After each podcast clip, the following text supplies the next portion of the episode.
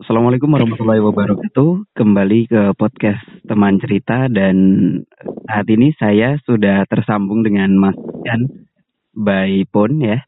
Uh, akan bercerita panjang lebar karena ini juga uh, salah satu teman lama yang cukup sibuk ya dan alhamdulillah sudah tersambung melalui telepon langsung saja kita beliau. Assalamualaikum warahmatullahi wabarakatuh Mas Rian. Waalaikumsalam warahmatullahi wabarakatuh, Mas Ali. Sehat-sehat, Mas? Alhamdulillah sehat ini. Mas Trian gimana kabarnya? Ya, Alhamdulillah, sehat. tapi sedikit ini kayak radang tenggorokan gitu sih kemarin. Jadi mungkin kalau nanti selama podcast ada sedikit dem dem dem gitu ya, uh, dimaklumin lah. Iya benar. Uh, karena ini saya juga nggak tahu kenapa pagi ini kok tiba-tiba agak agak tersendak-sendak juga. Memang em emang lagi musim kayaknya. Cuaca ya Mas ya. Betul, apalagi akhir tahun kan aktivitas padat nih, aktivitas kabupaten padat, ya Itu pasti benar. gitulah. Tapi lancar Mas ya, karena kan Mas Trian juga wirawiri ada beberapa event. Uh, Alhamdulillah lah, walaupun kadang kalau ada aktivitas keluar kota masih dapatnya uh, kelas yang premium atau eksekutifnya habis tinggal yang ekonomi ya udah kita naiknya ekonomi gitu Oh gitu. Nah, cocok ini dengan pembahasan kita di pagi hari ini. Eh, pagi apa siang atau malam ini? ya apa pun yang di ini kali pendengarnya mendengarkan pada waktu apa mungkin kita ucapin pagi, siang, sore, malam gitu kali Mas. Iya benar. Pembahasan kita soal eksekutif, ya Mas. Betul, kita akan ngobrolin tentang eksklusif ya Mas Ali. Ya, eksklusif ya. Hmm. Eksekutif, eksekutif itu kan kereta. Iya, tapi sebenarnya sedikit nyambung sih ya Mas Ali. Hmm. Kalau dari Mas Rian sendiri, eksklusif itu apa Mas?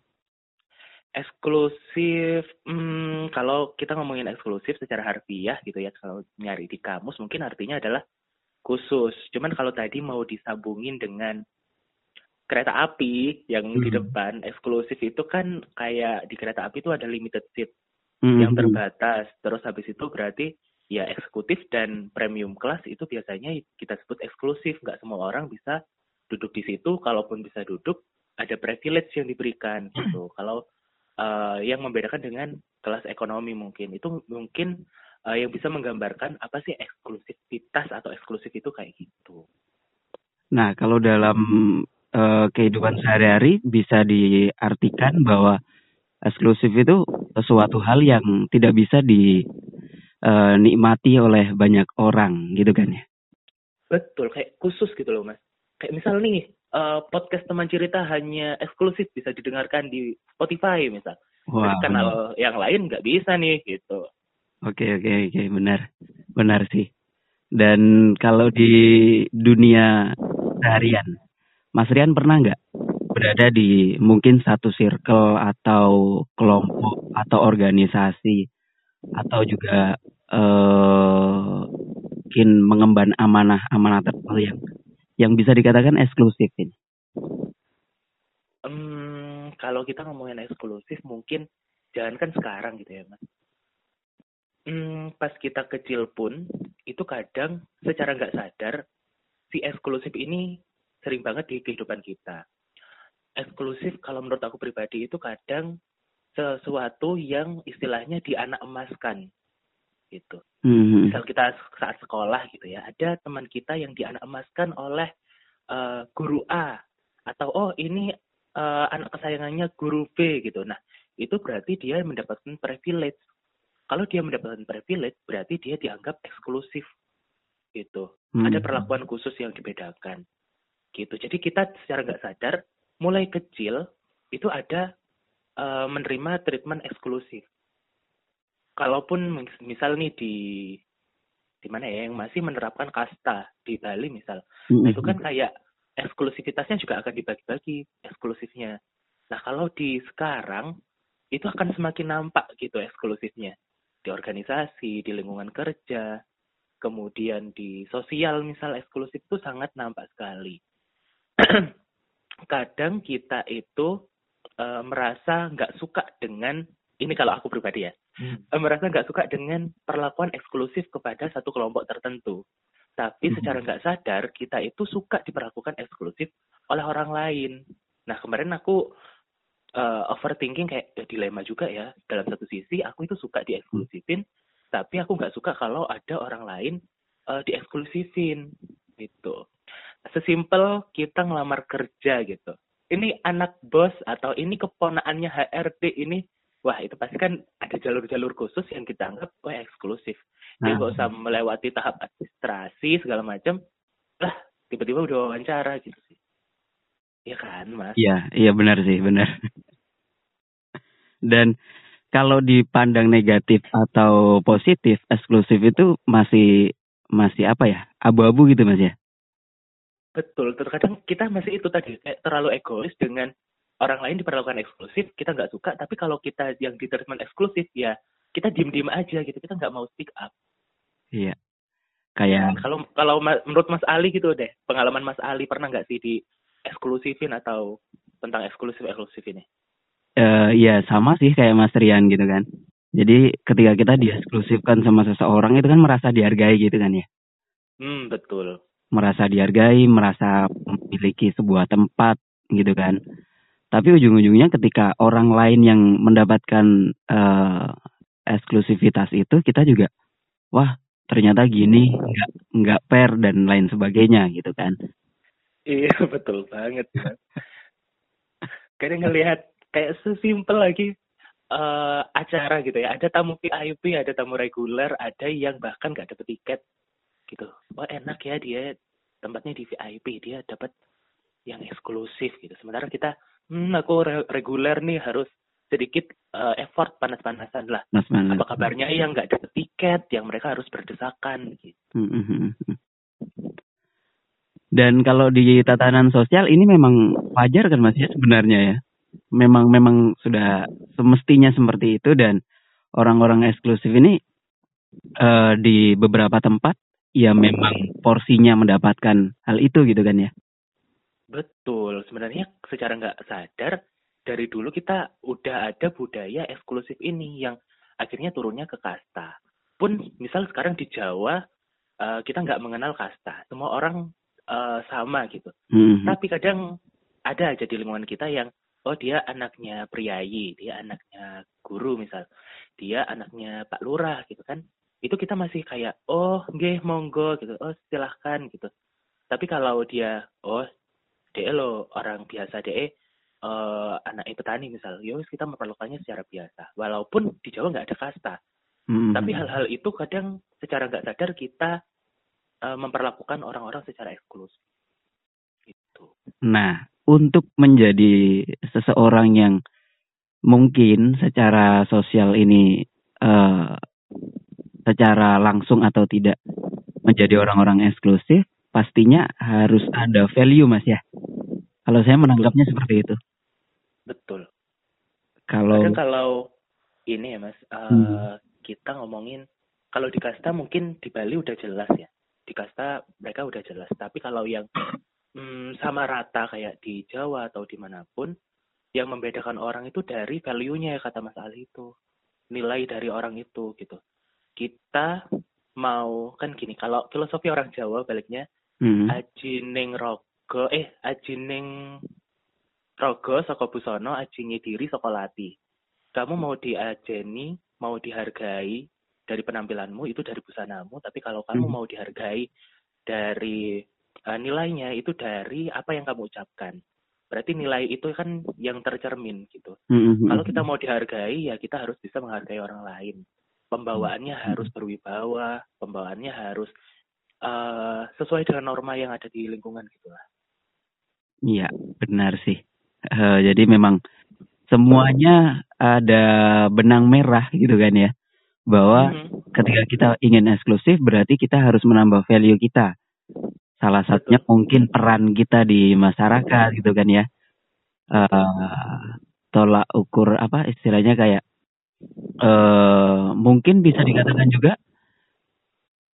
uh, apa ya itu kayak kecerdasan terus kemudian juga peran tadi sudah habis itu mungkin uh, pengaruh kita gitu kan mas ya hmm. Hmm. dan kalau ngomongin tentang pengaruh dan peran kita di sekitar aku jadi kepikiran ini sih mas. Uh, jeda atau diam itu diperlukan kalau dalam kita bersikap gitu ya. Maksudnya gimana? Uh, kita di, gini, kita kadang dianggap cerdas oleh lingkungan, bukan karena kita sering speak up mengutarakan apa yang kita tahu. Hmm. Terkadang dengan kita diam, membiarkan mereka ngomong sejenak, habis itu kita ngomong, itu akan nampak kita bahwa, oh kita cerdas secara emosional. Kita bisa menempatkan diri, kapan kita harus ngomong, kapan kita harus diam. Uh, gitu. Benar. Nah, kadang uh, orang kan balik lagi ke berbahasa ya. Aku orangnya balik ke berbahasa kadang tong kosong nyaring bunyinya gitu ya. Mm-hmm. Nah berarti orang walaupun kadang dia cerdas, tapi kalau dia nerocos saja uh, mengatakan bahwa argumen dia yang paling tepat, itu kadang kayak orang akan memandangnya, ih apaan sih ini orang. Tapi mm-hmm. kalau dia tahu, uh, walaupun argumennya benar ya, tapi kalau dia tahu kapan dia harus menempatkan diri, kapan dia harus ngomong, kapan dia harus berargumen, kapan dia harus jeda, kapan dia harus diam, itu kadang kecerdasannya atau nilainya itu kan nambah sedikit gitu daripada orang-orang cerdas yang lainnya. Akhirnya, oh benar juga apa yang dikatain dia gitu. Oh, itu iya. akan lebih bervalue kalau menurut aku sih gitu ya mas. Jadi sisi kecerdasan itu harus multi tafsir gitu ya. Jadi uh, kita secara mungkin ideologi atau pemikiran juga harus cerdas, secara emosional juga harus cerdas. Betul. Kayak kayak kapan kamu bisa menempatkan dirimu di waktu yang tepat, di kondisi yang tepat, itu aku anggap dia cerdas. Wah, benar sih. Karena ketika kita ngomong juga ya di sebuah mungkin event atau forum gitu kan, ketika ada hmm. orang yang uh, dia sebenarnya memang cerdas gitu kan. Cuma ketika tidak bisa mengontrol emosinya, tidak bisa mengontrol uh, mungkin keinginannya untuk bercuap-cuap terus gitu kan. Orang lain hmm. di sampingnya juga akan tidak nyaman gitu kan. betul banget. Pasti kan relate kan Mas Ali dengan orang eh, orang-orang di sekitar kita ya, teman kita bahkan terdekat yang melakukan hal-hal itu gitu. Hmm. hmm, hmm. Terus uniknya lagi sih Mas, uh, karena aku menemukan pola pattern kayak gini itu juga by proses gitu.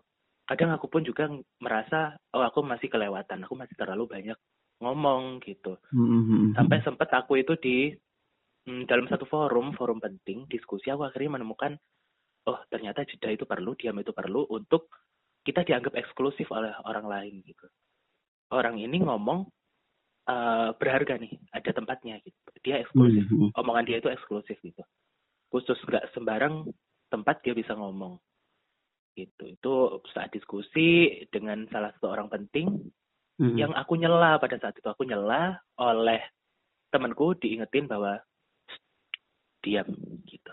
Aku akhirnya oh iya aku harus diam. Oke karena kembali lagi di poin awal bahwa ketika kita sudah uh, bisa memberikan ruang untuk orang lain bersedia untuk uh, memberikan ruang bersedia untuk menghargai maka value kita akan secara tidak langsung bertambah gitu mas ya. Benar banget. Dan itu relate sih mas dengan ilmu uh, ilmu komunikasi yang uh, yang selama ini aku apa ya mm -hmm. istilahnya aku pikirkan gitu kan. Karena gimana tuh mas? Zaman dulu itu huh? uh, kita yang ada di insan radio biasanya kan uh, bersaing gitu kan secara tidak langsung dengan teman gitu kan apalagi kalau siaran duet gitu.